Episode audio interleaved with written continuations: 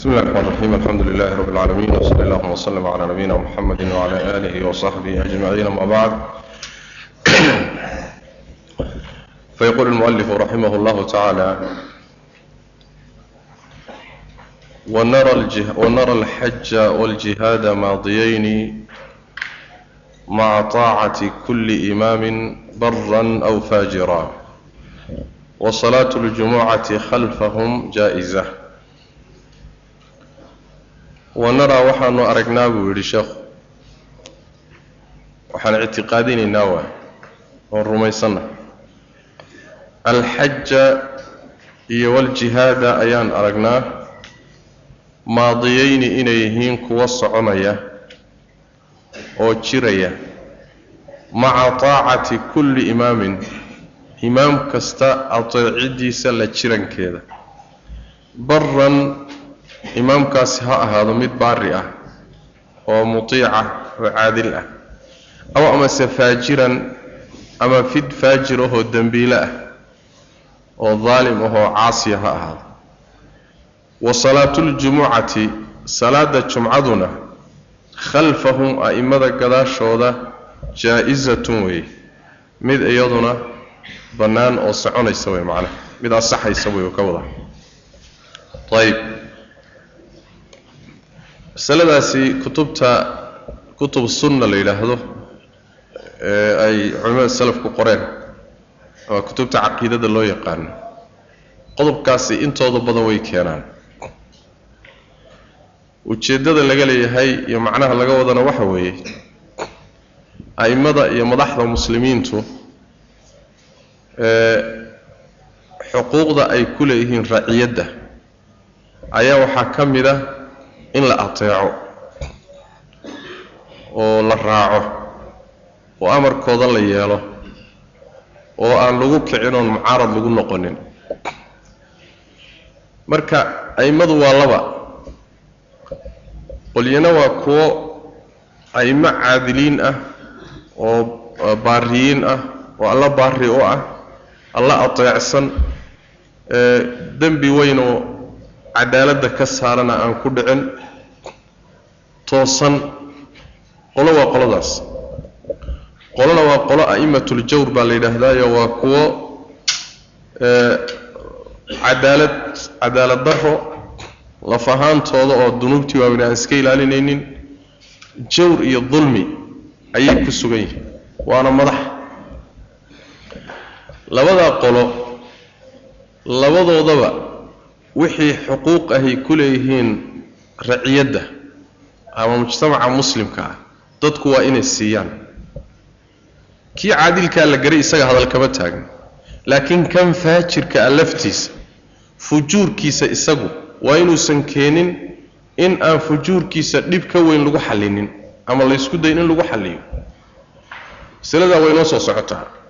Waxaa qayb ka ah masaladaa markaa in madaxdu hadday jihaadayso dagaalamayso jihaadkii loo raaco.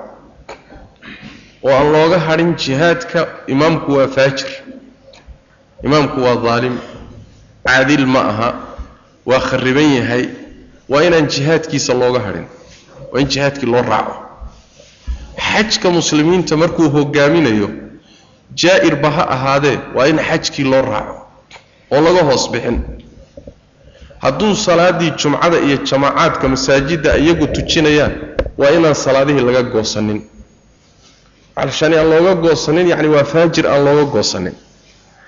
Masaladu taasay ka hadlaysaa marka. Wuxuu keenay marka xajka iyo jihaadka iyo salaada jumcada saddexaasuu keenay. Xajka iyo jihaadka labadaa waxaa loo sheegay bimacnaa waxay u baahan yihiin cid dadka hogaamisa. Jihaadkuna hoggaan la'aan ma socon karo xajkuna dadka cid hogaamisa oo nadaamisa oo kala habaysa mooye. Dadku markay khaasatan aada u badan yihiin sida hadda oo kaleeto muslimiintu cid xajka hogaamiso oo nadaamisay u baahantahay qasab ciddii xajka iyo jihaadka hogaaminaysay maamul ahaan iyo nidaam looga maarmaan ay tahay hadduu faajir yahay xataa waa la raacaya sidoo kaleeto salaada jumcada iyo jamaacaadka a'immadu ayagaa tujin jiray dadka isagii baa jumcada imaan isagaa khudbayn isagaa dadka tujin jiray. Madaxdaa tujin jiray. Jamaacada isagaa imaam ahaa marka baro badan tujin jiray. Marka salaadahana waa lagu raaci xajkana waa loo raaci jihaadkana waa loo raaci fujuurkoodii iyo dembigoodana ayaguu ku egyahay laakiin waxaa laga faa'iidaysanayaa maamulka iyo nidaamka ay muslimiinta u hayaan. Macnaha laga wado kelimada taa iyadaa oo waxaa la diidan yahay in fujuurkooda sababtiis loogu kaco ama masaalixda ay muslimiinta u hayaan loo khilaafo. Calashaani waa faajir. Leanna fujuurkiisa sax dowladdiisu isagii waa faajir. Dowladdii waxaa dhici karta inay faajir tahay. Gaalnimo ma gaadhin oo diinta kama bixin. Gaalnimo cad laguma hayo. Haddii gaalnimo cad meesha timaado marka waa masale kale. Laakiin gaalnimo cad laguma hayo waa ka sokeeya. Fujuurkiisa iyo dulmigiisa iyo fasaadkiisa iyo dhibkuu mujtamaca ku hayo iyo raciyadda haddii la yidhaahdo yaan yaan yaan yaan muxuu ahay la caawinin yaan waxba lala qabanin yaan lala tukanin yaan jihaadka loo raacin xajka yaan la raacin. Macnaheedu waxa weeyaan dhibkii isagu ummadda ku hayay iyo dhibkan aad adigu ku kacday waxaa ka weynkaad ku kacday. Marka dhibna dhib ka weyn laguma saxo soo ma? Dhib dhib ka weyn laguma saxo. Dhibka jire ummadda haysa ama waa la baabi'iyaa haddaad wax ka qaban karto awooddeeda leedahay. Ama waa la khafiifiyaa oo waxbaa laga dhimaa haddaad kari karto. Laakiin dhibkii lama sii weyneeyo. Haddii aad jihaadkii looga hadho dhulkii muslimiintaa la qabsani. Imaam faajiraan ka hadlaynaya gaalaanna qabsani. Soo ma? Imaam faajira laga hadlaya hala raaco halala jihaado. Haddii la yidhahdo faajir baa ku raaci mayno oo jihaadkii laga fadhiisto soo gaala ina qabsan mayso. Nin muslimoo tukanayo faajiraan ka hadlaynin markaasaan intaan isagii ka cararnay baanu gaalo u gallay oo dhulkii islaamka ay qabsatay marka waa kud ka guuro qanjo u guur waay soo ma? Marka fujuurkiisaa loo dulqaadan masaalixda muslimiinta uu hayana waa lagu garab siinaya.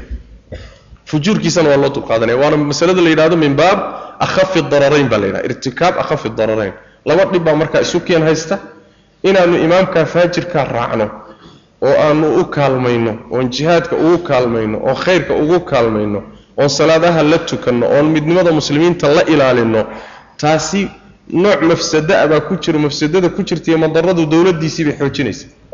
Soo ma? Dowladdiisii bay xoog u tahay. Ayib dhanka kale waxaa yaalla haddaan ka fadhiisannoon diidno maxaa ka dhalanaya? Jihaadkiibaa catilmaya xajkiibaa catilmaya dadkiibaa iskhilaafaya kacdoon baa imaanaya ummaddiibaa burburaysa cadow ka xoog badan baa qabsan doona. Ayib soo dhib labaad maa labada dhib kiida kee daran way marka. Labada dhib sooma kal cusla marka. Marka dowladdiisaa faajirkaa ha jirto laakiin wax ka daran baa imaane yaan la khilaafin oo lagu kicine jihaadkana ha loo raaco xajkana ha la raaco salaadahana ha lala tukado salaaduhuna gadaashiisa waa ku asaxaya. Saasaa masalada laga wada sidaa markaan leenahay dadka qaar baa waxay u fahmeen inay mas'aladu tahay imaam la'aan lama jihaadi karo oo imaam la'aan lama xajin karo oo waxaa ka dhalanaysa imaam la'aan salaada jumcadu ma asaxayso macnahaasay u fahmeen macnahaasna sax maaha. Macnaha lagama wadee kelimada a'immadu waxay ku radinayaan madhab ay shiicadu qabto. Oo dhahaya imaamka jihaadka loo raacayo waa inuu noqdo imaam raalli laga yaho macsuumoon dembi lahayn. Imaam mardi ah oo caadil ah unbaa la raaci karaa. Amaa imaam jaa'ir ah dagaalna ma hogaamin karo jihaadna loo raaci maayo madhabka shiicada bay a'immadu ku radinayaan mas'aladan oo muhimaddeedu waxa way inay taqriiriyaan. A'immada jawrka jihaadkoodana waa la raaci xajka hadday ummadda hogaamiyaanna waa la raaci salaadaha hadday tujiyaanna gadaashooda way ku asixi haayatu maa fi lamri masaladu intaa wey waxa lagu radinayana waa ishtiraatu alcadaala fii muxuu ahaayey jihaadka marka a'immada loo raacayo in loo shartayo inuu caadil yahay. Masaladaasaa la radinaya oo meesha laga saaray macnaha. Marka xajka loo raacayo inuu caadil yahay sharti in laga dhigo. Wahaakada. Laakiin mas'alada kale ee ku saabsan muslimiintu markay jihaadayaan imaam la wada ictiraafsan yahay inuu jiro sharti weeye ka dhigaysaa sax maaha. Cibaaradanina macnaha uma uma khidmaynayso cibaarahanna macnaha loolama jeedo waa masale kale. Ishtiraatu alimaama fi ljihaad waa masalada hadda ka hor muxuu ahaayey musaajalada kaga hadalnay taqriiban dhowr iyo toban sano ka hor. Cajiladaheediina hadda waa yaallaan saddex suuraanan u kala qaadnay oo muxuu ahaa ahayd markay muslimiintu imaam leeyihiin oo madax leeyihiin oo jihaadkiina uu isagu wado. Hawshiina u taagan yahay muslimiintiina ay leeyihiinoo uu u samaysan yahay. Suuradaasi waa suuro. Oo ma bannaana in imaamka la gacan dhaafo markaa. Jihaadna lama qaadi karo hawlna lama samayn karo ilaa imaamka tiisa la sugo. Waa in looga dambeeyo. Suurada labaadi waxa weeye imaamkii muslimiintu wuu jiraa. Laakiin jihaadkiibuu cadilay jihaad ma qaadayo. Gaalo lama dagaalamayo. Adduunyuu u xesheey fariidatuljihaadna waaba cadilayba suuradaasi waa suuro kaloo culimo fara badan baa waxay qabaan waa in laysu taago ciddii awood lehee kale isu taagi karta waa inay isu taagto laga sugi maayo maxaa yeele fariido uu cadilay waay haba jiro isagii. Laakiin waajibuu ka seexday waa la fulin bay qaar qabaan. Qaarna waxay leeyihiin maya ha laga sugo. Suuradda saddexaadi waxa weye inayna muslimiintu imaanba lahayn. Gaalana inay la dagaalo iska celiyaan u baahan yahay jihaadku ama kii dalabiga ha noqdo ama kii dafciga ha noqdo. Suuradaa dambe oo ah muslimiintu markayna imaanba lahayn in la yidhahdo gaalo iskama celin kartaan haddayna imaamba aydan lahayn oo la yidhahdo maba jihaadi kartaan ilaa imaam aad yeelataan imaamkuna imaam weyn oo muctabara uu noqdo waa shardi aan sax ahayn waay. Cibaaradanna ma faa'iidaynayso macnahaana lagama wado. Culimmaduna way ka hadleen xaaladda iyada ah. Oo waxaa ka hadlay muxuu ahaay sheekhu islaam ibnu taymiya fi majmuuci alfataawa waxaa ka hadlay ibnu qudaama fi lmuqni waxaa ka hadlay ibnu xasmi fi lmuxalla nuquul fara badan baan soo guurinay. Culimada mucaasiriinta baa ka hadlay. Nuquul kale oo fara badan oo dib aan ka helayna waa jiraan. Walow baxigii waaga aana xifdinin. Haddana runtii cajaladihii baa yaalla. Ciddii rabto way u noqon kartaa. Masaladaasi marka waxa weeye jihaadku horta xilli uu dhacayo oo fariidadiisu ay dhacayso oo kownka laga nasakhayo oo muslimiintu uu jihaadku ka dhacayo ma jirto saas daraaddeed wuxuu yidhi maadiyayn waa jirayaa jihaadku waa jirayaa ilaa kooxda ugu dambaysa muslimiintu ay la dagaalanto dajaal. Maalin jihaadka kownkan laga waayaya ma jiro. Fi'a mu'minad ah oo ilaahay dartii u dagaalantay jihaadkeeduna uu saxsan yahayna dhulka korkiisa marna laga waayi maayo. Xadiis fara badan baa ku tusaysa. Waxaa ka mid ah xadiidka mutawaatirka laa tazaalu طaa'ifatun min ummatii somahin mansuura tuqaatil koox ummadayda ka mida kownkan ka zuuli mayso oo alla u hiilinayo jidka saxdaana ku dagaalamayso marnaba la waayi maayo qolaba mar walba u taagan ayib xadiidkii kale fii saxiix lbukhaari baa albukhaari u deliishaday baa kutusaya markuu baabeeyey kadib uu u deliishaday alkhaylu fii nawaasiha alkhayr ila yowmi alqiyaamati almagnamu muxuu aha waljru inu hawan malinaya fardaha foodooda khayr baa lagu xidhay ilaa qiyaamadu ka imaanayso. Markaasaa nabig wuxu uhi sal sl haniimada iyo ajirka laga helayo waay yacni waa lagu dagaalamaya markaasay ajirna ruuxii u keenaysaa haniimana waa lagu helayaa. Jihaadkii baa laga wadaa marka. Jihaadkii marka haddii imaam ayna lahayn dadkii muslimiinta ahee dagaalamaya gaalo la dagaalamaya iska celinayay ama dacwoba gaadhsiinaya haddaynan imaam muctabara uusan jirin ayaga laf ahaantooda waxay magacaabanayaan cid ay nidaam ahaan ka dambeeyaan nidaam bay samaysanayaan kala dambayn bay samaysanayaan tabartoodu intay doonto ha dhanno tiradoodu ha dhannaato nidaam bay samaysanayaan nidaamka ay samaysteen bayna ku kala dambaynayaan saasayna waajibkii sharcigaa ku fulinayaan. Awoodun baa loo baahan yahay awood uun hawshaa u istaagtaa loo baahanya awooddaa unbaa isnidaaminaysa intaasaa muctabara. Wakadalika xuduudda shareecada marka la fulinayo awood baa la rabaa. Xudkiina fulin karta fulintaa mafaasidda ka imaan kartana ka hortegi karta. Oo mafaasida inay ka dhalanayn laakiin haddii la yidhaahdo imaam muctabara ilaa la helo xuduudna lama oofin karo jihaadna lama qaadi karo gaalana layskama celin karo waa ra'yi baatil ah waay waa ra'yi aan waxba ka jirin wax nas oo shardiyeeyeyna masaladaa iyada lama hayo saas way macnaha haddaan idinku akriyo maalan hal nas oo uu leeyahay sheekh maxamed ibnu xasan wuxuu leeyahay haddayd u baahantihin waxaad akrin kartaa kitaabka la yidhaahdo addurar الsaniya fi اlajwibati الnajdiya kitaabka isagaaba yuu ku yaalla waxaa iskale naskan ama hadalka waxaa iskale sheekh maxamed ibnu xasan xafiidkii sheekh maxamed ibn cabdiwahaab marka wuxuu leeyahay qolyuu la doodayaa sidaasoo kale yidhi jihaadka lama oogi karo ilaa imaam la'aan. Qoladaasuu hadal ku wajahaya. Markaasuu leeyahay biayi kitaab am biayi xujjatin ana aljihaada laa yajidu ila maca imaamin muttabac.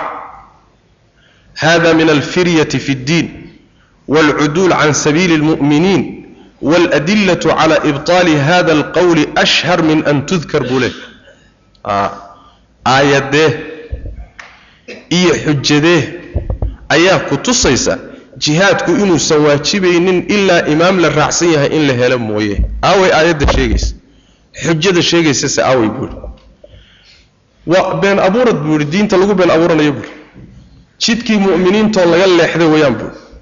waladillatu calaa ibtaali hada alqowl qowlkaa isaga ah adilada burinaysana ashhar min an tudkar in la sheego waaba ka caansan tahay bu adilada sheegaysa wayba ka caansan tahay markaasuu wuxuu yihi min dalika cumuumu lmri biljihaad waxaa ka mid a adilada kutusaysa aayadaha jihaadka amray ee caamka ah ee qeyd iyo shardi toona aan ku xidhin waatargiibi fiih walwaciidi fii tarki ka tegidda jihaadana jihaadkana waciidka ku soo arooray jeclaysiinta aayadaha ku soo arooray way caam weeye wax khasisay ma jiro. Mulaq wey wax qayday ma jiro. Imaam wax ku xidhay oo nas a ma jiro. Imaamu tabaca saasuu leeyay markaasu wuxuu keenay walowlaa dafcu llahi nnaasa bacdahum bibacdin lafasadat alardu iyo fii suurati alxaj sidoo kale walowlaa dafcu llahi nnaasa bacdahum bibacdin lahuddima asawaamicu aayaadkaasuu keenay markaasa wuxuu yihi wakullu man qaama biljihaadi fii sabiili illah ruux kasta oo u istaaga jihaadka rabbi faqad ataaca allaha wa addaa maa faradahu allah. Allana waa ateecay wixii alla ku waajibiyeyna waa gutay. Walaa yakuunu limaamu imaaman ila biljihaad. Imaamka laftiisu imaam mama noqonayo inuu jihaadka isu taaga mooye. Liannahu laa yakuunu jihaadun ila biimaam. Ah waalxaqu cas maa qultahu yaa rajul buui markaad leedahay jihaadku imaam la'aan ma ansaxayo. masaladu sidaa ma ahee arrintaa cagsigeedaa saxa bay waqad qaala tacaala aayaadkiibuu marka sii waday. hadalkiisi waxaa ka mid ah, a wuu sii waday oo xadiiskii wuxuu keenay laa tasaalu aa'ifatun wuu sii waday wuu sii waday. markaasu wuxuu yidhi waalcibaru waaldillatu calaa butlaani maa allaftahu kaiirun fi lkitaabi wasunna wasiyar walakhbaar buu. وأqwali أhli الcilmi bاladilati wاlآahaar la takaadu takhfى clى اlbaliidi إida calima bqisaةi abi basiir buu lama jaءa muhaajiran فطلبت قريش من رسول الله صلى الله عليه وسلم أن يرد إليهم بالشرط الذي كان بينهم في صلح الحديبية فانفلت منهم حين قتل المشركين الذين أتيا في طلبه المشركين حين قتل المشركين الذين أتيا في طلبه فرجع إلى الساحل قصدي حكنا وبصير yacni wuxuu leeyahay adilada way fara badan tahay. Ahlucilmiga aqwaashooduna way badan tahay. Ninka beliidkae fahmada daran xataa kama qarsoona nin caalima iska badaaya markaasuu wuxuu keenay qisadii abubasiir eed garanaysaan. Nebiga sal lla alay waslam markuu heshiiskii xudaybiye galay soo ma garanaysaan? Heshiiskii xudaybiya markuu galay oo uu ka mid ahaa qodobadiisa nin kastoo muslimoo soo islaama oo soo hijrooda oo nebiga madiine ugu yimaada oo ree maka ka tirsan in loo celiyo oo nebigu dib ugu soo dhiibo. Abu basiir nin la yidhahdaa soo islaamay marka. Abu basiir wuu soo tegay oo madiinuu nebiga ugu yimi sal lay slam quraysh laba nin bay ka soo dabadireen si ay u soo celiyaan. Labadii nin madiina yimaadeen nabiga u yimaadeen sal lla lay slam waxay yidhahdeen ballantii aan isku ogeyn noo oofi. Ninkii xagga naga ka yimaada inaad noo celisaan isku ogeyn heshiiskuna saas u ah. Ninkan abu basiira soo dhiib laba nin bay soo dirsadeen. Labadii nin baa nabiga u yimid sal lay slam dee nabigu ballanta inuu ilaaliyo waay. Soo ma? Abu basiir labadii nin buu gacanta ka geliyey. Way kaxaysteen markay sii marayaan meeshan magaalada madiine agteeda dulxulayfa meeshaa markay marayaan ayay malaha way degeenoo inay cuntay waxbay u yardayen inay cuntayeen iyo waxsaas oo kale ah labadii nin mid ka midu wuxuu ku yidhi warniyo seeftaadu quruxsanaa oo qiimo badanaa. Ya haa buu yidhi seeftaydu seefaha la mid ma ah. Bal maad ii yara dhiibtid buu yar fiiriye wuu u dhiibayba galka intuu ka siibtay buu isagii qoorta ka jaray. Kow kii kale markuu arkay saaxiibkii oo qoortii ka go'doo galgalanahay buu soo cararay marka. Xaggee buu ku carari maka hadduu ku cararo ma fakan karo way fogta magaaladii madiinuu dib ugu soo cararay iyo nebiga sal alla alay waslam asagoo ordahaya kiina daba ordahayo eryanahaya buu magaalada madiine lasla soo galay. Nebigu u galay markaasuu yidhi maxamedow maanta i badbaadi. Abubasiir maanta iga qabo naftayda badbaadi. Nebigu waa ka qabtay salawaatu rabbi wasalaamu caleyh markaasuu yidhi rasuul ilaahay ilaahay ballantaadii adiga waa oofiyey. Waad i dhiibtay ballantaadiina alla waa oofiyey. Ninkaa iidaa buu yidhi aan kow ka siiya waa ka qabtay nebigu sal alay slam markaasaa nebigu wuxu yidhi sal alay wasalam kelimo caan oo uu ka fahmay wuxuu rasuulku yidhi wayla ummihi miscaru xarbin ama musciru xarbin low kaana macahu hayruhu buuri hooyadii hooggeedee walle kani waa dagaal ooga buuri hadduu cid kaleetoo garab istaaga helayo walle kani waa dagaal ooga buuri waa nin dagaal buuri hadalkaasuu nebigu wuxuu ka fahmay abubasiir inuu mar labaad nebigu dhiibi doono hadday yimaadaan quraysh. Bas wuu iska tegey keligii xeebta meel ay safarta quraysh markay shaam aadiya ay soo marto meeshaasuu ayar keligii isagoo aggalay markaasuu bilaabay jidgooyo. Wax alla wuxuu quraysh ka arko oo dhan wuu qabsadaa. Wuxuu arka wuu dilaa. Xooluhu arkana wuu ka dhacaa. Qurayshna nebiga ballan bay kula jirtaa wow laakiin nin kale ballanimo qabato. Dowladdii nebiga ma hoos yimaado. Ayagiina way soo eriyeen. Meeshii saasoo ayar dowlad yar ka asaastay ayib qisadaa markuu keenay kadib ayuu sheekhu marka ka sii niqaashay oo masaladii uu sii waday hadal dheer oo muxuu ahaayey uu ku keenayo muxuu ahaayey inaad akhridaan bay ku fiican tahay taqriiban oo aad u qiimo badan weeye markaasuu wuxuu leeyahay ويقال أيضا كل من أقام بإزاء العدو وعاداه واجتهد في دفعه فقد جاهد ولا بد وكل طائفة تصادم عدو الله فلا بد أن يكون لها أئمة ترجع إلى أقوالها, وتدبير إلى أقوالها وتدبيرهم وأحق الناس بالإمامة من أقام الدين الأمثل فالأمثل وحليه هي كل ضد أي رأي كقاتانو أي كضم بيان وإليه روح كستو دقالمية soo laabudda kala dambayn ma leh muhimmaddu kala dambayntaa un waay hadday amiir samaystaan oo maamul samaystaan oo golayaal ay u noqdaan samaystaanoo arrinkoodu habaysan yahoo fawdo ahayn intii la rabay intaasay ahayd. Intii haddii la helana fariidadii sharciga ahayd way fulin karaan. Wakadalika waxay fulin karaan xuduuddii shareecaday fulin karaan hadday awood leeyihiin. Haddiise la yidhahdo inta imaam mutabaca laga helayo lamana dagaalami karo xuduudna lama oofin karo. Hadda waxa wey waaba intay gaala rabtayba shareecadiiba waa bacdhilmaysaaba hadalkaas waxaad ugu noqon kartaan kitaabka aan idiin sheegayey mujalladka taqriiban sideedaad. Hadal dheer waay wax yar muqtadafaad maa ka qaadqaaday. Mujalladka sideedaad wuxuu ka bilaabayaa safxada boqol sagaashan iyo sagaal ilaa wuxuu wadayaa taqriiban oo la dhihi karaa ilaa boqol laba boqol iyo saddex. Boqol sagaashan iyo sagaal ilaa laba boqol iyo saddex mujalladka sideedaad. Ayaad ugu noqon kartaan ayib nuquushii kaleetana taqriiban waan soo guurinay. Waxaa ka mid a maalan haddaad u baahan tihiin ood u noqon kartaan kitaabka khiyaathu lumam oo uu leeyahay juwayni abulmacaali aljuwayni isagana aakhirkiisa masalada wuu ku keenay muslimiintu markay imaam la'aan ku dhacdo maxay ka yeelayaan axkaamtii imaamka u baahnayd? Isagana wuu keenay ibnu qudaama sidoo kaleeto fi lmuqni buu ku keenay. Abu maxamed ibnu xasmi fi lmuxalla buu ku keenay. Sheekh ulislaam ibnu taymiya caleyh raxmat ullah fi lmajmuuc buu ku keenay. Masaladu marka masale caana waxaan leeyahay marka oon ujeedadeedu ay tahay hadalka noocan oo kaleeto ee kutubta caqiidada ku yaalla maqsuudku ma aha dhankaa in lala aadee maqsuudku waxa weeye imaamkii jaa'ir ha ahaadee hadduu hawshii jihaadka wado yaan la khilaafinoo jawrkiisa iyo macsiyadiisa iyo khaldanaantiisa yaan looga hadhine jihaadkii ha loo raaco waayo. Cibaarada maqsuudkeeda waa midkaa isagaa waay ee maaha macnaheedu jihaad shar imaam la'aan lama jihaadi karo. Siday dadka qaarkood u qaateen macnahaas macno saxsan ma. Sidaana laga wada hadday sidaas laga wadana waxay noqon lahayd soo xajkiina kumuusan dabqabanin waxay noqon lahayd in la yidhaahdo xajkana lama xajin karo imaam la'aan. Soo may maateen wabittaali imaam haddii la waayo xajkuna ma asaxayo bilijmaacna sax ma ah bilitifaaq macnahaas macno sax maaha waxaa kaloo ka imaan lahayd in la yidhaahdo salaada jumcaduna imaam la'aan ma asaxayso walam yaqul bidalika axadu min alculamaa wax hadalkaa yidhina ma jiro waa macno faasid ah. Macnuhu maaha marka sida xajka iyo jumcada iyo jamaacaadkuba ayna shardi ugu ahayn imaamka ayaa jihaadkana haddii imaamkii la waayo ayna shardi u ahayn imaam ee majmuuco muslimiintu awood leh kala dambaynan leh hadday jihaadka isu taagaan.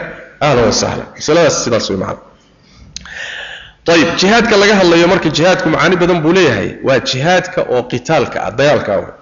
Leanna jihaadku dhowr macnoba waa ku yimaada jihaadu nafs oo ruuxu naftiisa inuu la jihaado daacada ilaahay inuu kula jihaado iyo macsiyada daynteeda iyo jihaadu shaytaan iyo muslimiinta cusaadooda in lala jihaado oo macnaheedu yahay in wanaaggana la faro xumaantana laga reebo iyo munaafiqiinta in lala jihaado oo iyadana macnaheedu ay tahay xumaantooda in la kashfiyo oo muxuu ahaayey bannaanka la soo dhigo oo loo hanjabo oo yacni wax weeye la cabsiiyo wahaakada iyo nooca ugu dambeeya oo jihaadulkufaar ah gaalada in lala jihaado.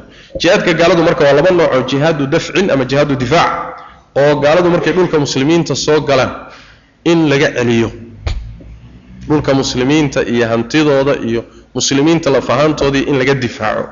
Jihaadu dafci baa la yidhahdaa waana farducayn oo muxuu ahaaye xaalaadka uu farducaynta noqdo jihaadku jihaadu talabna wey nooca labaado waa in gaalada dhulkoodii iyo deegaamadoodii iyo muslimiintu ay ku duulaan si dacwada iyo diinta iyo tawxiidka loo gaadhsiiyo taana waa jihaadka talabka oo muslimiintii baa markaa duulaan ah. Labaduba waa mashruuc.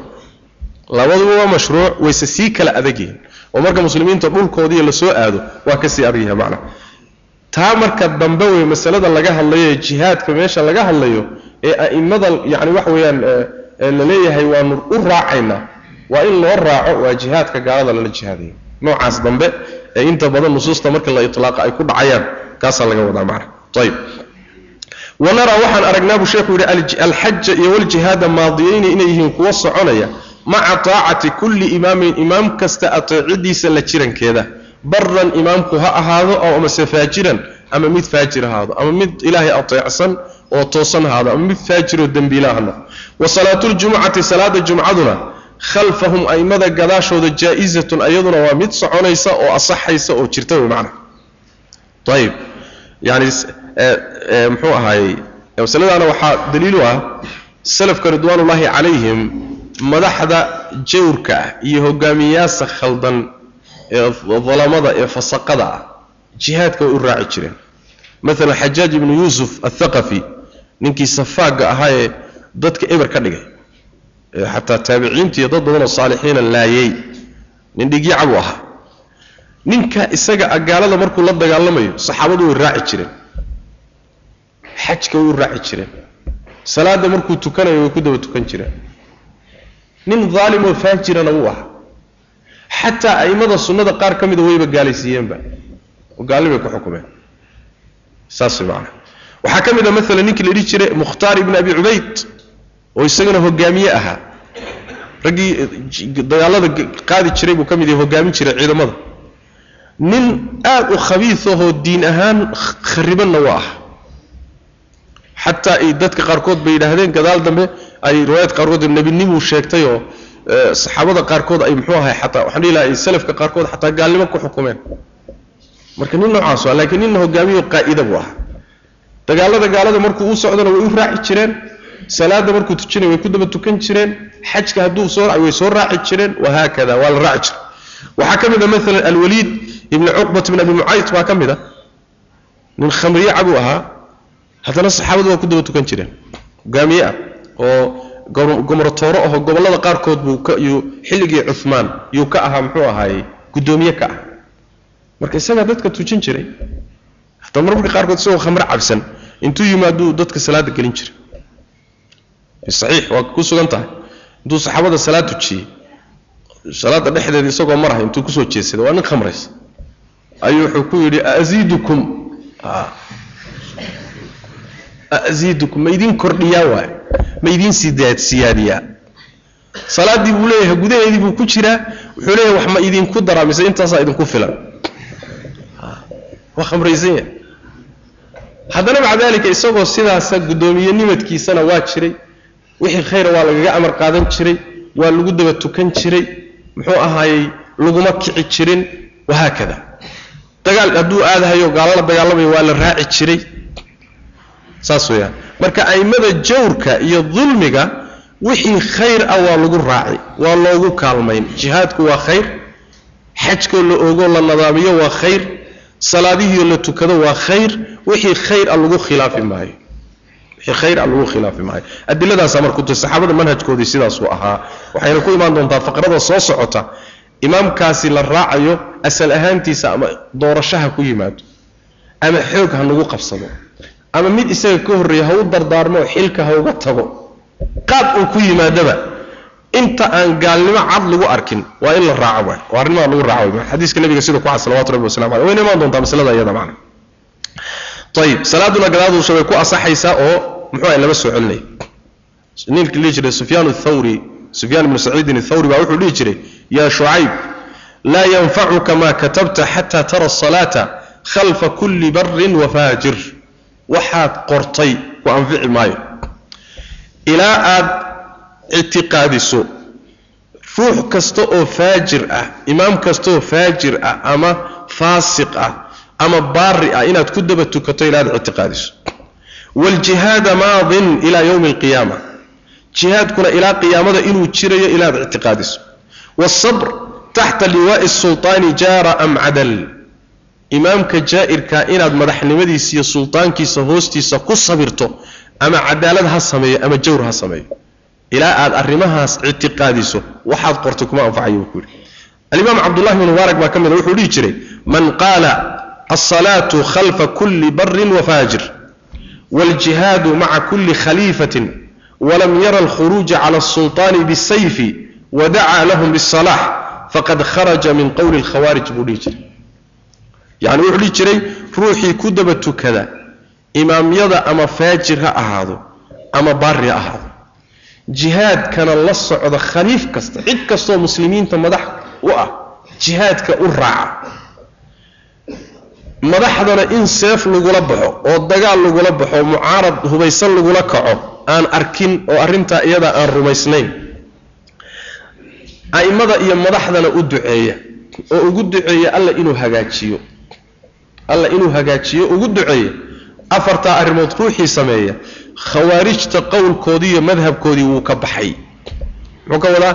Yani waxa weeye dariiqii khawaarijta waa khilaafsan yahay dariiq saxuu hayaa buu ka wadaa macna. Saas weeyaan ayib marka waa inoo soo socotaa a'immada iyo qaabka loola mucaamaloonayo dib buu imaamku keeni doonaa. Qaala anas wuxuu yidhi qaala nabiyu nebigu wuxuu yidhi sal ly waslam khaasatan masalada imaamada marka laga hadlayo xilligan muslimiintu ay ku jiraan dagaalada ay ku jiraan ee gaalada ay isaga celinayaan dhammaantii waxa weeyaan waa dafci waay wax jihaad dalabi ah oo muslimiintu maanta ay ku jiraan ma jiro. Kulli dagaaladoodu waa dagaal dafci ah waay. Dhulkoodii baa loogu soo duulay dhulkoodii baana lagu haystaa. Jihaadka dafciga ahee gaalada dhulka muslimiinta ay ku soo duushay lagaga celinayana shuruudda loo dhigayo aad bay uga fududahay midda loo dhigayo jihaadka dalabka. Saas xataa in badan oo shardigaa qabta markii la yidhaahdo jihaadku waa dafci oo gaala la iska celinaya kayfamaa amkan? Si walboo suroobi karta oo shareecadan aan khilaafsanayn hala isaga celiyo waxyaalo badan baa markaasi la fududaynaya macana sidaas weyaan marka axkaamtii jihaadu dalabka yaan lagu dabaqin dagaalada ay maanta muslimiintu ku jiraan. Jihaadu dafci weeye sidaas daraaddeed baan meesha waxaan oolin mas'alada imaamka. Masalada imaamka maanta niqaashkeedu inu yimaado maba ahaba leanna dagaalka lagu jira waa dagaal dafci ah. Dagaalka dafcigana wax weeyaan shuruudaasi yani ma taallo. Intii dagaalamayso gaalada iska celinaysa oo nidaam ha samaysato. Kala dambaynna ha samaysta intaa way muhiimadu qaala anas wuxuu yidhi qaala nabiyu nabigu wuxu yhi sal lla alay waslam alaaun saddex min asli liimaani iimaanka asalkiisa ka mid tahay alkafu way midda koobaad alkafu ka reebtoomid canman cid xaggii laga reebtoomo qaala yidhi laa ilaaha ila allah in laga reebtoomo laga gaabsado gaalaysiintiisa walaa nukafiruhu mana gaalaysiinayno bidanbin dembi ku gaalaysiin mayno walaa nukhrijuhu kama saarayno. Min alislaami islaamnimada ka saari mayno bicamalin. Camal uu sameeyeyna islaamnimada kaga saari mayno. Qodob waa kaa waaljihaadu dagaalkii iyo jihaadkii muslimiintuna maadin waa mid jiraya. Mundu bacahanii allahu intuu markuu alla isoo saaray laga soo bilaabo xataa yuqaatila ilaa uu dagaalamo. Aakhiru ummatii ummadayda ka ugu dambeeya addajaala dajaal ilaa uu kala dagaalamo. Waa qodobka labaad. Laa yubtiluhu jihaadkaa ma buriyo. Jawru jaa'irin. Imaam jaa'ir ah jawrkiisu ma buriyo. Imaamkiiyo madaxii muslimiinta khariban oo jaa'ir ah jawrkaasi jihaadkii ma buriyo. Walaa cadlu caadilin walaa mid caadil ah cadaaladiisu ma buriso imaam caadilana cadaaladiisu jihaadka ma buriso. Ayb waliimaanu way qodobka saddexaad rumayn bilaqdaari qadariyaalka la rumeeyo. Saddexdaaba asalka iimaankay ka mid yihiin.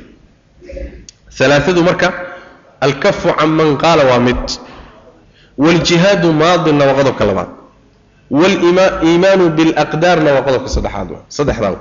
Xadiidkaasi ama aharkaasi waxa wuxuu yidhi rawaahu waxa wariyey abu daawuud sooma dhin rawahu abu daawuud baa wariyey.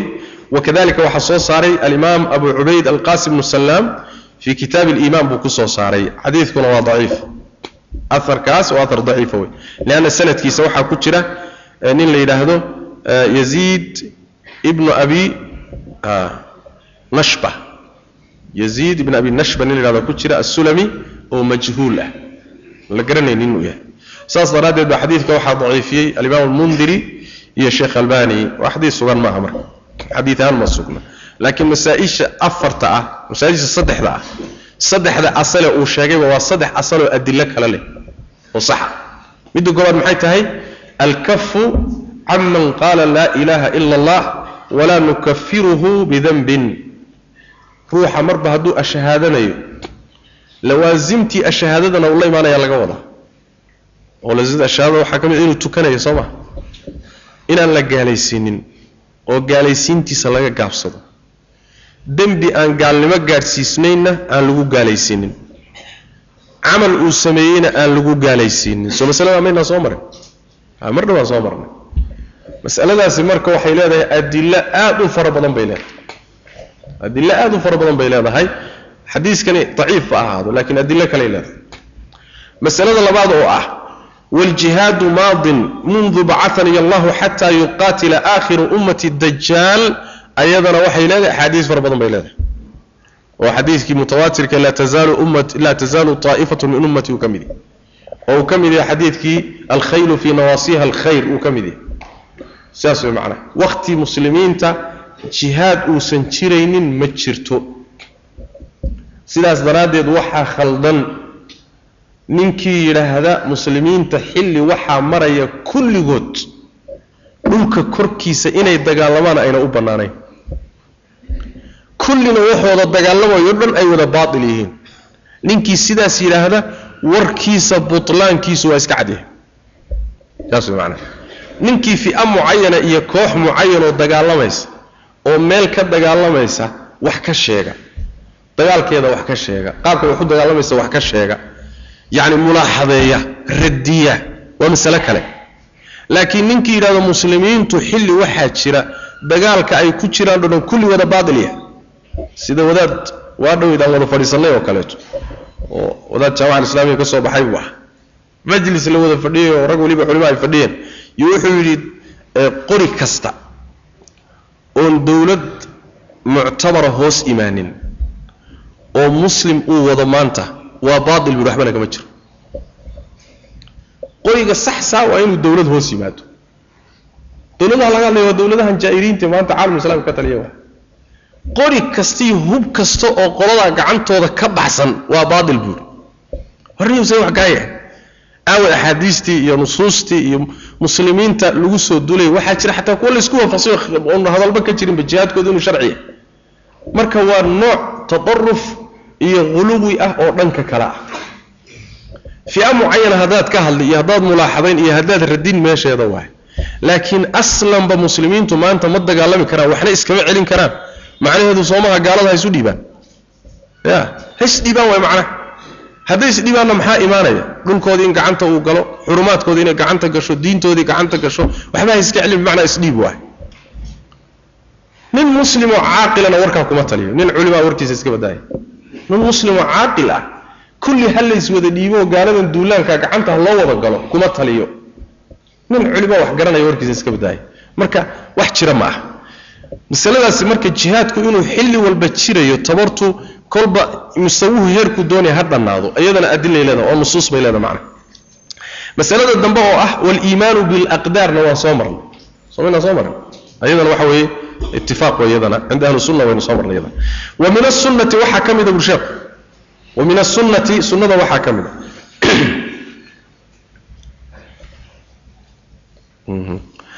ومن السنة وحا كمدة تولي أصحاب الرسول الله صلى الله عليه وسلم نبي الصحابة سي إن لقوا لي يشو إن لقوا لي يشو صحابة النبي صلى الله عليه وسلم قلت على هذا بمعنى ومحبتهم هي شعيل كذا tawalliga waxaa la yidhaahdaa jacaylka way soo geli walow dib kaga cadfay waxaa la yidhahdaa nusrada uhiilinta waxaa soo gelaysa inaad xigsato ood iyaga xigto waxaa soo gelaya raacidda kullu dalika waxaa la yidhahda tawalligay soo gelaysa.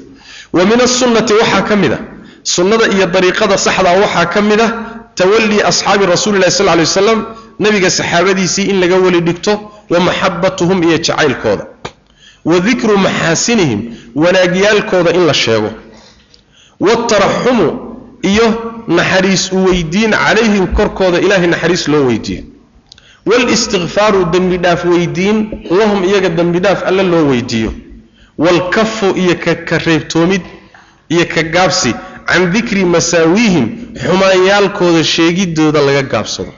Wixii xumaan ah ama ee ka dhacay qaar iyaga ka mid a sheeg sheegiddiisa in laga gaabsado iyo wamaa shay xaggiisa in laga gaabsado shajara dhacay baynahum dhexdooda. Wixii dhexdooda dhacay oo dagaal iyo khaladka isku khaldameenna isagana sheegiddiisa in laga gaabsado.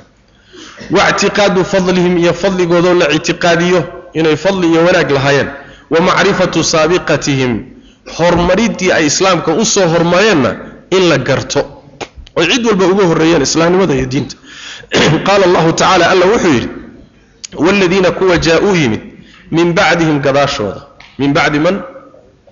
Min bacdi almuhaajiriin waalansaar oo saxaabadiiya soo ma yani min bacdihim waxay u noqonaysaa labadii aayadoodee ka horreysay oo lilfuqaraa'i almuhaajiriin iyo waaladiina tabawa'u daar waaladiina jaa-uu min bacdihim labadaa qolo gadaashooda kuwa yimid yaquuluuna waxay dhahayaan rabbanaa rabbiga now ikfir dhaaf lanaa annaga noo dhaaf. Waliikhwaaninaa walaalahadnana alla u dhaaf alladiina kuwaasoo sabaquunaa naga hormaray biliimaani iimaanka nooga hormaray. Walaa tajcal ha yeelin allow fii quluubinaa qalbiyadanada dhexdooda hillan xiqdi iyo ha yeelin xumaan liladiina kuwii aamanuu rumeeyey dadka iimaanka nooga horreeyey qalbiganaga allow xiqdi iyo xumaan ha u gelinin qalbi fayoobi iyo carab fayow iyo jacayl. Allow qalbigana u geli waa wa qaala tacaala alla wuxuu yidhi muxamadun muxamed rasuulullahi waa kuwa alla soo dirsaday wey salawatu rabbi wasalaamu caleyh waaladiina kuwa macahu la jirankiisa ah ashidaau kuwa ad adag wey cala alkufaari gaalada korkooda. Ruxamaau kuwa naxariis badan wey ama naxariista baynahum dhexdooda. Ayaga dhexdoodana waa isu naxariistaan waa isu nugul yihiin oo isu turaan. Gaaladana waa ku adadagyihin ayb. Hadalkaasi wuxuu imaamku ula jeedaa xuquuqda ay ku leeyihiin saxaabada nebigu sal lay waslam ummadda ay ku leeyihiin. Wa qaala nabiyu nebigu wuxuu yihi sal lay wasalam laa tasubuu ha caayina asxaabii asxaabtayda ha caayina. Maxaa yeele fa ina axadakum midkiin low anfaqa hadduu bixiyo midla uxudin wax uxud la-eg wax uxud oo kale ah dahaban oo dahab ah maa balaqa ma gaadhayo mudda axadihim midkood mudkiis. Wax yar oo muxuu ahaayey shan boqoloo giraam. Shan boqoloo giraam oo midkood uu baxsaday. Ma gaadhi kartaan walaa nasiifahu walaa intaa kaas niskii xataa oo midkood baxsaday ma gaadhi kartaan. Nasiifku waa nisf wey macnaha ay nasiifu lmud xataa mud niskii oo midkood baxsaday ma gaadhi kartaan haddaad buurta uxudoo dahaba bixisaan xataa xadiidkaasi waan soo sheegnay soo maahayn. Fii saxiix muslim buu ku sugan yahay min xadiidi abi saciid. Qisadiisuna waxay ahayd khaalid ibnu waliid iyo cabdiraxmaan ibnu cawf baa arrini dhex martay. Kaana baynahumaa shay. Labadu waa laba saxaabi waa. Laakiin way kala horreeyeen. Soo ma? Cabdiraxmaanna waa min asaabiqiina alawaliin raggii hore ee horey ka soo islaamay buu ahaa khaalidna wuxuu ahaa raggii dib ka soo islaamay oo wuxuu islaamay heshiiskii xudaybiye kadib uu soo islaamay. Heshiiskii xudaybiye sanadkee ahaa sannadkii lixaad kadib uu soo islaamay hijriga. Khaalid marka waa dambeeyey. Marka khaalid oo dambeeyey iyo cabdiraxmaan oo horreeyey baa isku dhacay.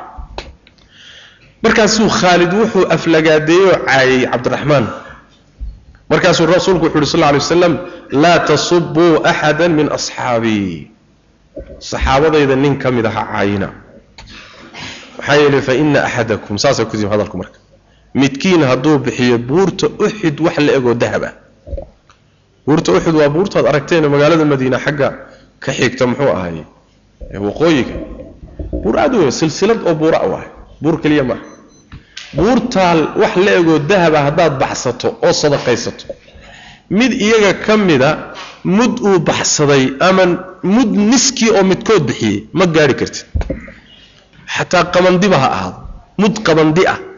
Ama mud niskii oo qabandi ah. Ama galley ah oo midkood baxsaday ma gaadhi kartid. Weligaaba nagnagle wey marka. Maxaa yeelay suxbada ay nebiga la saaxiibeen baa wax loo dhiga lahay saan horeyba u soo tilmaanay ayib su'aal baa marka la isweydiinaya waxaa la leeyahay. Labada ninba waa saxaabi. Cabdiraxmaanna waa saxaabi khaalidna waa saxaabi. Hadalkan saxaabadayda ha caayinana wuxuu u dhacayaa khaalid. Oo khaalid laftiisu miyuusan saxaabi ahayn baa la isweydiinaya waxaa ka jawaabay sheikhulislaam ibnu taymiya caleyh raxmatullah oo wuxuu leeyahay cabdiraxmaan ibni cawf iyo raggii hore ee saabiqiinta ahaa khaalid marka loo fiiriyo suxbada way kaga xeel dheer yihiin. Soo ma suxbada way kaga xeel dheer yihiin. Oo suxbada uu leeyahay cabdiraxmaan khaalid male. Soo ma min hada albaab buu nabigu u leeyahay khaalid saxaabadayda ha caayina. Saasaa laga wadaa. Ee maaha macnaheedu? Khaalid saxaabi ma aha. Ayib macnahaasaa laga wadaa buu leeyahay shekh islam ibnu taymiya caleyh raxmatullah. Saarim almasluulku kaga hadlaya saarim almasluul almasluul calaa shaatim arasuul ayuu kaga hadlaya arrintaa iyada macna. Ayib arrintaasi marka waxa weeye saxaabada xuquuqda ay ummadda ku leeyihiin ummadda nabiga sal alay slam xuquuqda ay ku leeyihiin bay tilmaamaysaa.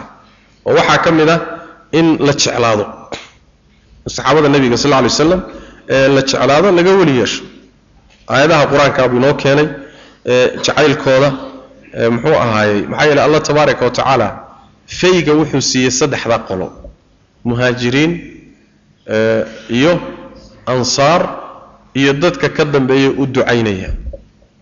Ayagii dariiqoodii taabacsan ixtiraamaya una ducaynaya. Waana masaladan soo sheegnayoo imaam maalik uu u daliishaday inaynan raafidada iyo shiicada saxaabada caayaysaay inay fayga waxba ku lahayn. Saddexda qole ilaahay fayga siiyey muslimiinta kuma jiraanba kadalika cadiidka cadiy ibnu haabit muhaajiriin iska badaaray ansaar keligood ayuu nebigu wuxu uhi sal lay waslam fi saxiix muslim ba xadid ku sugan yahy wuxuu ihi laa yuxibuhum ila mu'min walaa yubqiduhum ila munaafiq. Ruux mu'mina unbaa jeclaada ansaar. Ruux necab haddaad aragtana waa munaafiq. Man axabahum axabahu allah waman abqadahum abqadahu allah ruuxii jeclaada allah jeclaada ama allah ha jeclaado. Ruuxii nacana allah naca ama allah ha naco saas macnaa. Leanna markaad ayaga nacayso ood saxaabada nacayso ood caayayso ood aflagaadaynayso waxaad u nacayso soo uun ma aha dowrkiiyo khayrkay ku lahaayeen diinta. Ilaan hadday dadkoodaa iska ahaan lahaayeen afkaagu ma gaadheen waxa afkaagu u gaadhayo oo loo caayayo waa kaalintii iyo dowrkii ay ku lahaayeen dacwada waay iyo diinta faafinteeda macna wanaagooda marka in la sheego oo dembi dhaaf ilaahay loo weydiiyo oo la yidhaahdo rabbana kfir lana waliikhwanina aladiina sabaquuna biliimaan sidaa in loogu duceeyo. Ayay macnaha tilmaamaysaa waay oon la caayin laguna aflagaadooyin laguna gafin. Cabdullahi bni cabaas radi allahu tacala canhu ardaa sida alimaana ibni bata uu keenayo. Wuxuu leeyahy ibn cabaas baa wuxuu uhi laa tasubuu asxaaba muxamadin war nebi moxamed ardadiisii caayina faina allaha amaranaa bilistikfaari lahum. Alla wuxuu ina amray inaan dembi dhaaf u weydiino nidhaho ilahu dembi dhaaf wa huwa yaclamu anahum sayaqtatiluun markuu alla leeyahay saxaabadii nebiga iyo mu'miniintii idinka horreeyey ilaahay dembi dhaaf u weydiiya alla markaa wuu ogyahay inay dagaalami doonaan. Soo ma?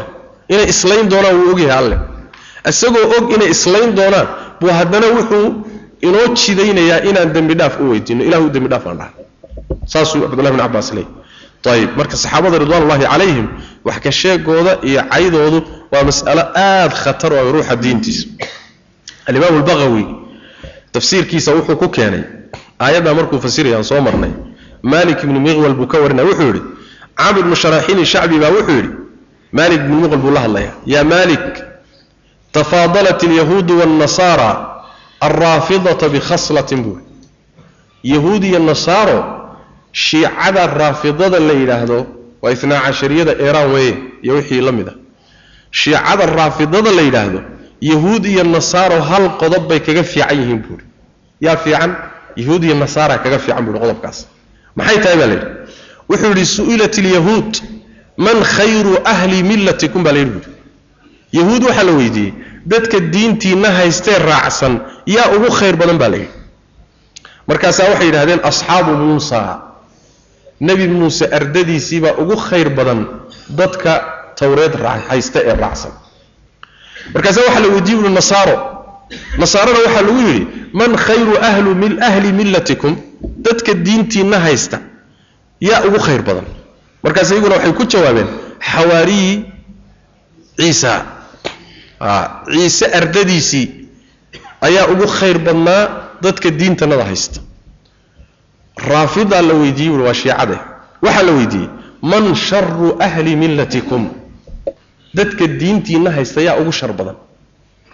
Markaasaa waxay yidhaahdeen asxaabu muxamadin sal alla alay wasalam nebi maxamed ardadiisiibaa ugu shar badnay dadka diintanada haysta.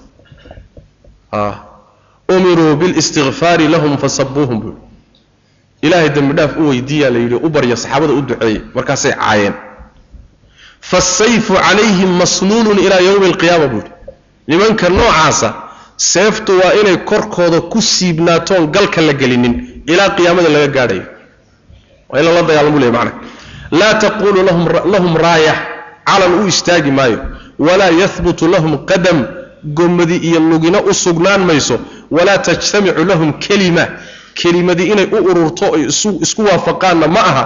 Kulamaa awqaduu naaran lilxarbi adfa'aha allahu bisafki dimaa'ihim wa tafriiqi shamlihim waidxaadi xujatihim acaadana allahu waiyaakum min alfitan mudila buu waa caamiru sharaxiin shacbi waay waa taabici kabiira marka nimankaa saxaabada wax ka sheegayaay dad diin lama ah masaawidooda ha laga gaabsado alkafu can masaawiihim wamaa shajara baynahum wuxuu ka wadaa sheekhu wixii saxaabada dhex maray. Wixii saxaabada dhex maray. Ee dagaaladii dhex maray. Jamal iyo sifiin iyo wixii iyagu dhexdooda isu geysteen iyo wixii dad qaar iyaga ka mida laga soo guuriyo waxoogaa shareecada khilaafsan ama aan fiicnayn waa laga gaabsanaya. Lagu ceebayn maayo. Cudurdaar baan u raadinaynaa muxuu ahaaye waxaan leenahay labada qoloba waa ijtihaadeen. Dadaal baa u geeyey. Haddii uu ruuxu dadaalana kii gafana ajir buu leeyahy kii saxmana laba ajir buu leeyahay. Intaa ka badan u sii dhaafi mayno saxaabada kanaa muxuu ahaaye edab darnaa iyo kanaa kharibnaa iyo kanaa daalim ahaa iyo kanaa la habaari iyo kanaa la nacnadi baabkaa geli mayno. Saas macnaha wixii dhex galay oo dhex maray ijtihaad buu ahaa. Ijtihaadkaasina dhammaantoodii mujtahid mukhti ah oo hal ajir leh iyo mujtahid musiiboo laba ajir leh. Sidaa unbay yihiin macnaha cumar ibn cabdilcasiis waa kaan soo marnay in la weydiiyey wixii saxaabada dhex maray oo dagaal ahaa. Markaasaa wuxuu yidhi tilka dimaa'un طahara allahu yadii minha afalaa utahiru minha lisaani buu taasi dhiig buu ahaa buu yidhi. Ilaahay gacantayda uu ka daahiriyey buu ilaahayba hadduusan goobjoog iga dhigin meesha nebi maxamed saxaabadiisu ku dagaalamaysay nasiib weyn weyn buu. Gacantayda hadduu ilahay dhiiggooda ka ilaaliyo haddii ilaahay gacantayda dhiiggooda ka ilaaliya carabkayga miyaanan ka ilaalinaynin buu. Saas macnaa. Carabkayga miyaanan ka ilaalinaynin. Markaasaa wuxuu yidhi mathalu asxaabi rasuuli illaahi mathalu lcuyuun wa daawaa lcuyuuni tarku masiha buu. Nebi maxamed yani maalkood iyo sifada asxaabtiisu waxa weeye waa indhahoo kale buu yidhi indhahoo kale la mid yihiin buu. Indhaha daawadooduna waa inaadan taabanin buu yidhi. Ya ishu hadday intay ku xanuunto aada farafarayso oo aada maraamarto ma ku bogsoonaysa? Mise way ka sii dari? Way ka sii dari. Daawadoodu maxay tahay? Ha taabanin xataa hadday ku cuncunto ha u dhowaanin asxaabu rasuulilaahi sida ishoo kale weeye daawadu waxa weeyaan inaadan agtooda qori ka jabin. Ha u dhowaanin haddaad ag marmarto soo maa khalaas. Balaayo unbaad ka qaadi. Iyo cudur iyo diin la'aan iyo inxiraaf iyo zayq iyo balaayaa kugu dhici sidaa shiicada ku dhacday. Alxasan albasri baa sidoo kale waxaa la weydiiyey saxaabada dagaalkii dhex maray. Markaasaa wuxuu yihi qitaalun shahidahu asxaabu muxamedin sal alay waslam waqibna dagaal nabi maxamed ardadiisii ay xaadirtay buu ahaa. Annaguna aan ka maqnayn buu. Wa calimuu wajahilna ayaga yaqaanay annaguna jaahil baan ka nahay buu. Wajtamacuu fatabacnaa way israaceenoo way wada jireen markaasaanu wada jirkii ku raacnay buu. Wakhtalafuu fawaqafnaa buu. Markay iskhilaafeenna arrintaa waan ka istaagnay buu. Waxay isku raacsan yihiinna waanu raacnay. Markay iyaga iskhilaafaan oo dhexdooda ay noqotona arrinkooda waa ka istaagaynaa ku xadgudbi mayno dhinacna dhinacna ku xadgudbi mayno. Sidaasuu ka wadaa macna. Waxaa keenay hadalkaas alimaam alqurtubi fi kitaabihi aljaamic liaxkaami alqur'an arrimahaasi marka waxay ka hadlayaan iyo xadiiskanba saxaabada nebiga sal lay waslam iyo xaqooda. In marka aad laysaga ilaaliyo wax ka sheegooda iyo duridooda. Waa fikri aad u khariban bal alimaamu abaraani wuxuu soo saaray biisnaadihi ila bni cabaas abaraani abu nucaym ibn abi caasim keyrkood baa soo saaray.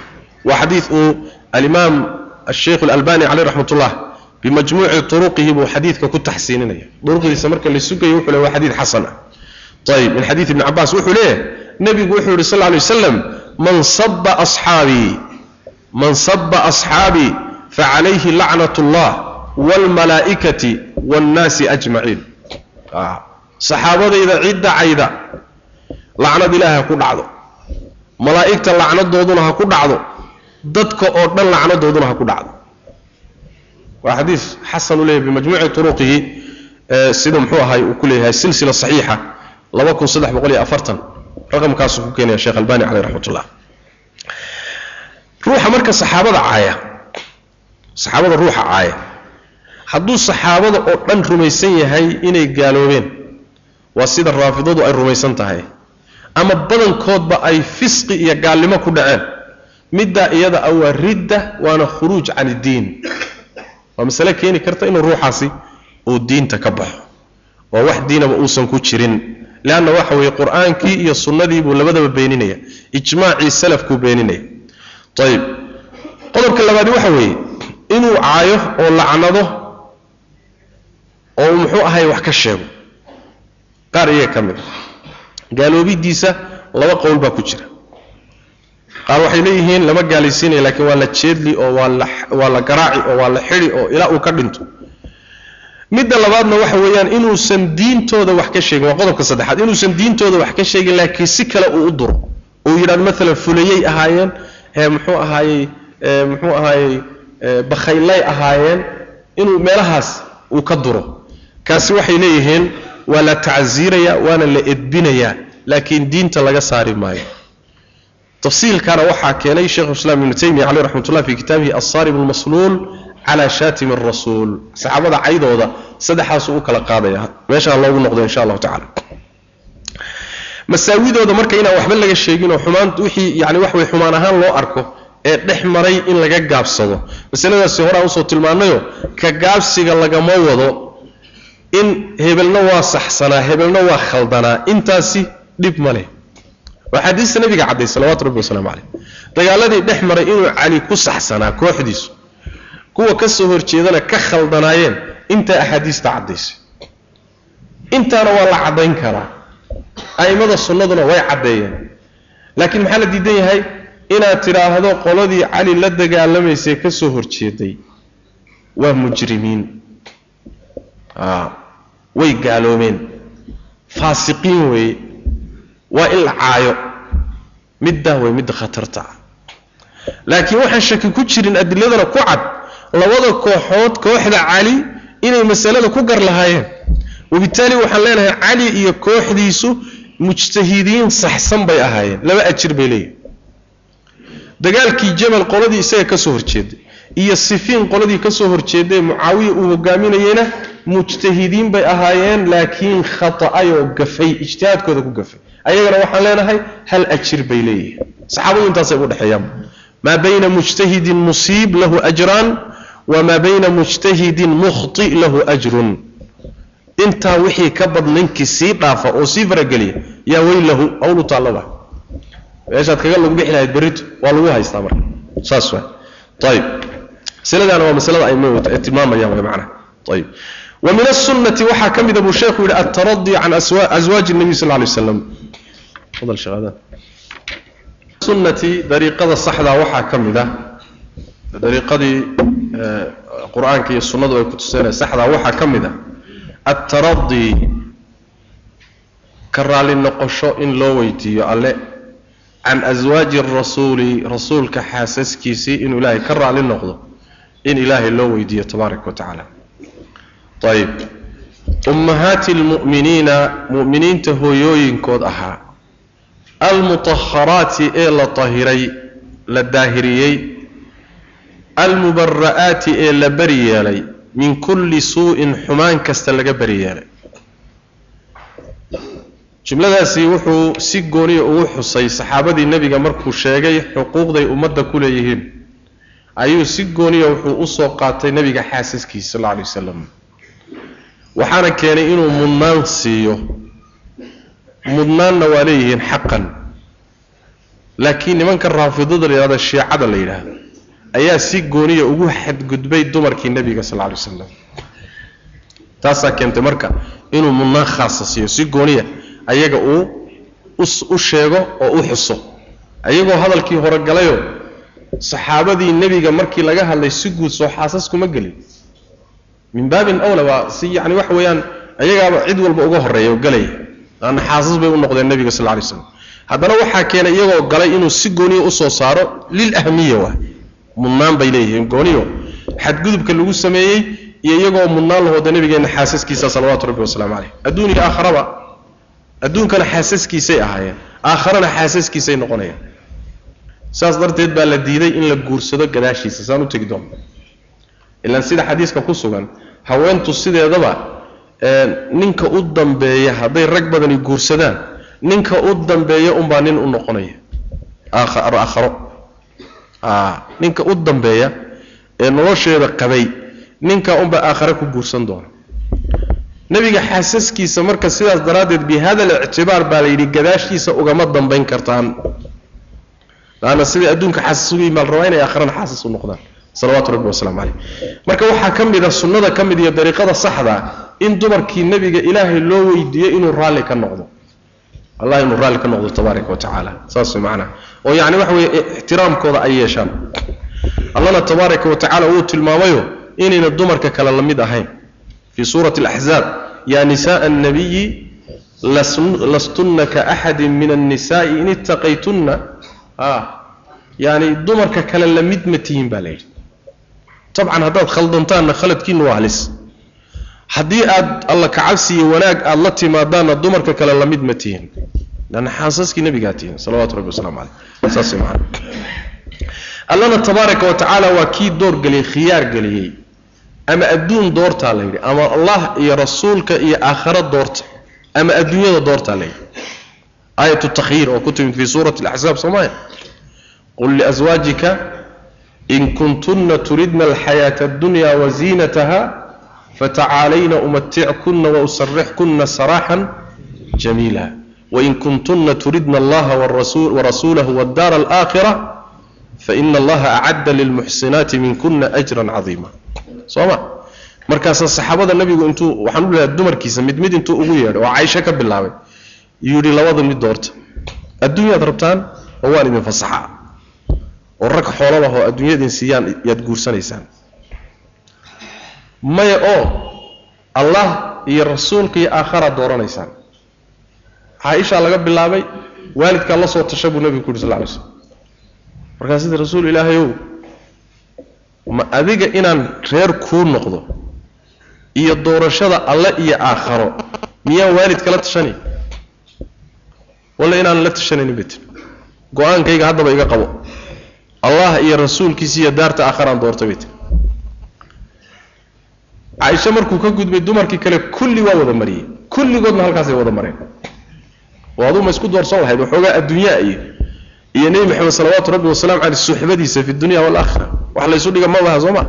Saas way macana marka halkaasay mareen aayaadka qur'aanka marka tilmaamaya ilaahay tabaaraka wa tacaala inuu tahiray inay beri ahaayeen nadiifa u tegi doonaa insha allahu tacala xaasaskaa laga hadlaya nabigeennu guursaday sal ly slam xaasasna u noqday ilaa taqriiban waxay gaadhsiiyaan culimmadu taqriiban muxuu ahaayey ilaa kow iyo toban bay gaadhsiiyaan. Ilaa kow iyo toban dumar ah oo nabigu guursaday salawaatu rabbi wasalaamu caleyh waxaa ugu horreysay khadiija bintu khuwaylid waana haweentii u dhashay nebiga caruurtiisa dhammaantood marka laga reebo hal wiil oo ibraahim ah oo ay dhashay maariyat alqibtiya suriyadiisii baa dhashay.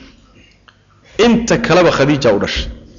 Dumarka kale nebigu guursaday ee tobanka ah mid ilma u dhashay ma jirto. Waa maziya uu nabigu ku tilmaamay inay leedahay khadiija. Caruurtayda iyadaa dhashay buu nabigu dhihi jiray salawatu rabbi wasalaamu caleyh waan u tegi doonaa koodee ugu fadli badan hadalka soo socduu ku sheegi doonaa oo isagu wuxuu dhihi doonaa khadiija u fadli badan waana tilmaami doonaa waxay ugu fadli badan tahay iyada maa fadli badan mise caaisha fadli badan laakiin xaasaskiisa inay ugu horreysay. Inta uu nebigu qabay salawaatu rabbi wasalaamu calayh wax haweenay alla muusan guursanin. Garoobnimuuna ku guursaday waa looga horreeyay nebiga salawatu rabbi waslamu caleyh haweenayda labaad caaisha weeye bint abi bakr sidiiq oo iyadoo yar buu nabigu guursaday sal ly slam sagaal jir buu kula aqalgalay. Hijrada markuu madiine maka yimid buuna khadiija iyadu waxay dhimatay intuusan maka ka soo hijroonin makay ku geeriyootay caaishana wuxuu kula aqalgalay madiinuu kula aqalgalay nebigu salawatu rabbi wasalaamu caleyh ayib sideed iyo toban jir iyadoo ana wuu ka geeriyooday nebigu sal lay slam iyadoo sideed iyo toban jirta waa xilligay dumarku ay ugu xoog badan yihiin gadaashiina waxay noolay taqriiban afartan sanay noolay waqti dheer bay gadaashii nooleed nabiga salawatu rabbi waslamu caleyh waxay dhimatay konton iyo sideeddii hijriga ayay dhimatay.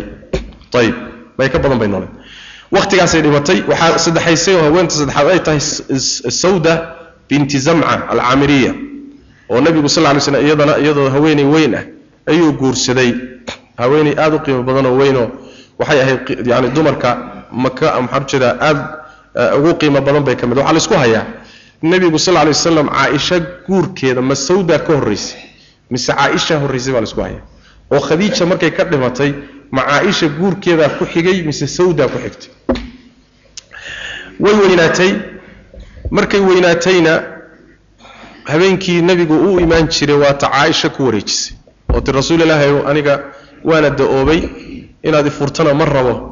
Habeenkii aad ii imaan jirtay xaasaskaaga kuwaad ugu midaad ugu jeceshay baan kugu wareejinaya. Caaishay marka ugu wareejisay. Caaisha laba habeen baa loo tegi jiray marka. Oo nabigu uu la baryi jiray waxay iyaduna geeriyootay hijriga taariikhda hijriga markay ahayd konton iyo afar. Haweenayda saddexaad waa xafsata bintu cumar ibn khataab. Gabadhii cumar waxaan u jeeda cumar ibn khataab gabadhiisii. Nebigu iyadana wuxuu guursaday nin baa uga horreeyey saxaabi ah oo dagaalkii uxud lagu dilay. Sanadkii saddexaad ee hijriga ayuu guursaday waxayna dhimatay afartan iyo shantii hijriga.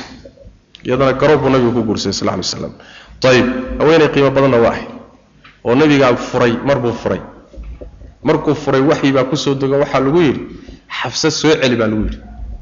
Fa innahaa sawaamatun qawaama waa haweenay soom badan oo salaad badan ah soo celi baa lagu yidhi. Markaasuu nabigu soo celiyey salawatu rabbi wasalaamu caleyh xafsa. Haweenayda shanaad waa zaynaba binti khusaymat alhilaaliya la dhihi jiray bay dhahaan oo kutubtaa sheegta waxaana la yidhahdaa waxay caan ku ahayd ummulmasaakiin baa la dhihi jiray.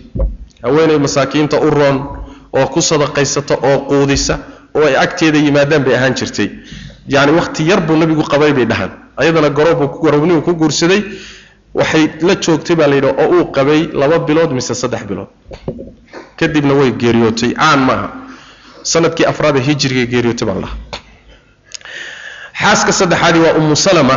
Magaceedana waxaa la yidhahdaa hinda binta abi umayata alqurashiya almakhzuumiya in adeerkeed baa qabay abu salamata bni cabdilasad waxay ka mid ahayd dumarkii u hijrooday ardulxabasha koox saxaabada ah. Kadibna madiine u soo hijrooday. Ayib haweeneyda iyadaa ummu salama markuu ninkaasi ka geeriyooday ayuu nebigu guursaday iyadoo carruur wadata weliba madiine markay timid buu guursaday wayna dambaysay oo lixdan iyo kowgii hijriga ayay geeriyootay. Haweeneyda toddobaad waxa nabigu guursaday waa zaynaba binti jaxsh alasadiya oo nabiga sal lay wasalam ahayd waxaa dhashay eedadii umayma binti cabdilmualib baa dhashay oo nabiga eedadii ah. Ilma eeday ahaayeen marka zaynab. Ayib waxayna ka mid ahayd min saadaati nisa dumarka kuwa ugu qiimo badan bay ku jirta xagga diinta iyo waraca iyo wanaagga iyo aad bay u qiimo badnayd. Waxaa guursaday oo nebigu uu guuriyey sal lay slam markii hore mawlihiisii zayd ibnu xaari zayd ibnu xaaria oo nabiga mawlihiisa ahaa ayuu u guuriyey markii hore iyadoo gabadh ah kadibna zayd bay isku dhaceen wada joogi waayeen.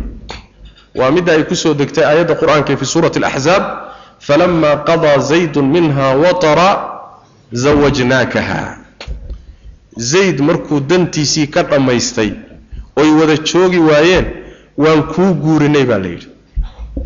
Zayd markay kala tagaan zaynab waan kuu guurinay.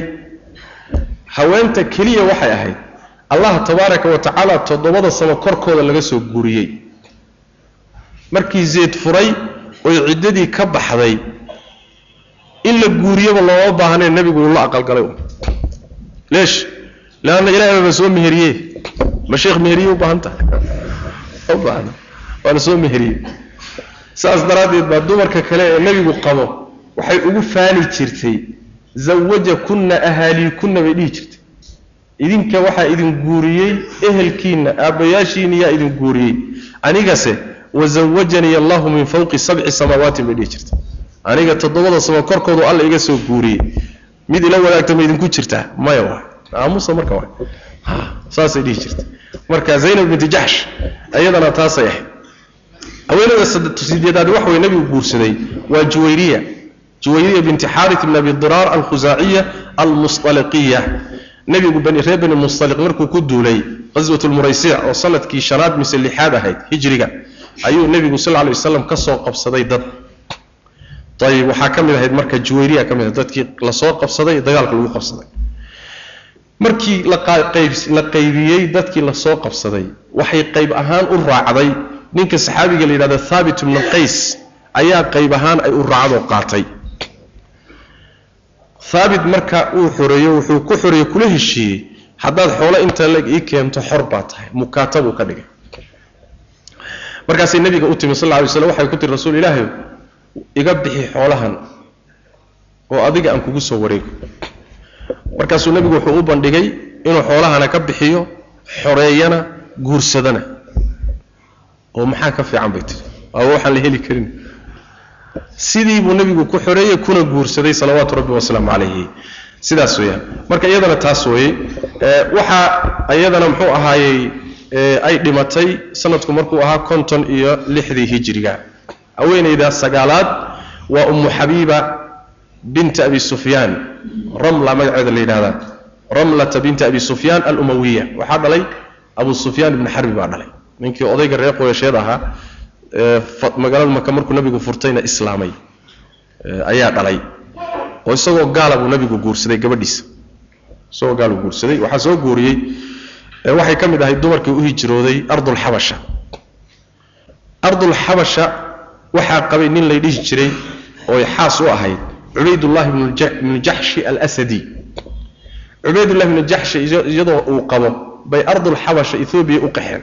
Saxaabadii halkaa aaday buu ahaa. Ninkeediibaa marka waxaa la yidhahda riwaayaadka qaarkood sheegayaan diintiibuu ka baxay oo nasraaniyaduuba qaatayba.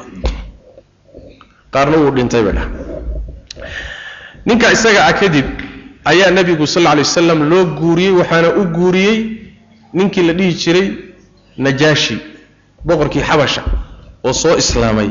Baa nebiga sal lla lay weliba bixiyey meherkii ka bixiyey kadibna u soo diray madiinuu nebigu kula aqalgalay salawaatu rabbi wasalaamu caleyh ayadana gabadhaas gabadh aad u qiimo badan bay ahayd oo weliba nebiga salawaatu rabbi wasalaamu caleyh agtiisa qiimo weyn ku leh ayay ahayd macna waxaa iyadana dhimatay sanadka afartan iyo afarta ee hijriga ayay geeriyootay umu xabiiba binta abi sufyaan. Haweenayda tobnaadi waxa weeyaan safiya binti xuyay ibnu akhtab oo iyadu reer bani israa'iil ahayd yahuudiyad ahayd reer bani israa'iil bay ahayd nebigu sal lay dad badan buu ka guursaday sooma safiya asalkeedu reer bani israa'iil weeye oo asalkeedu yahuudiyad bay ahayd. Ayib laba nin oo yahuuda isaga dambeeyey. Markuu nebigu khaybar furtay oo magaalada khaybar uu yahuudda ka qabsaday ayaa safiya waxay gashay dadkii la soo qabsaday. Nin la yidhaahdo dixyat alkalbi oo saxaabada ka mid a ayaa marka qaatay.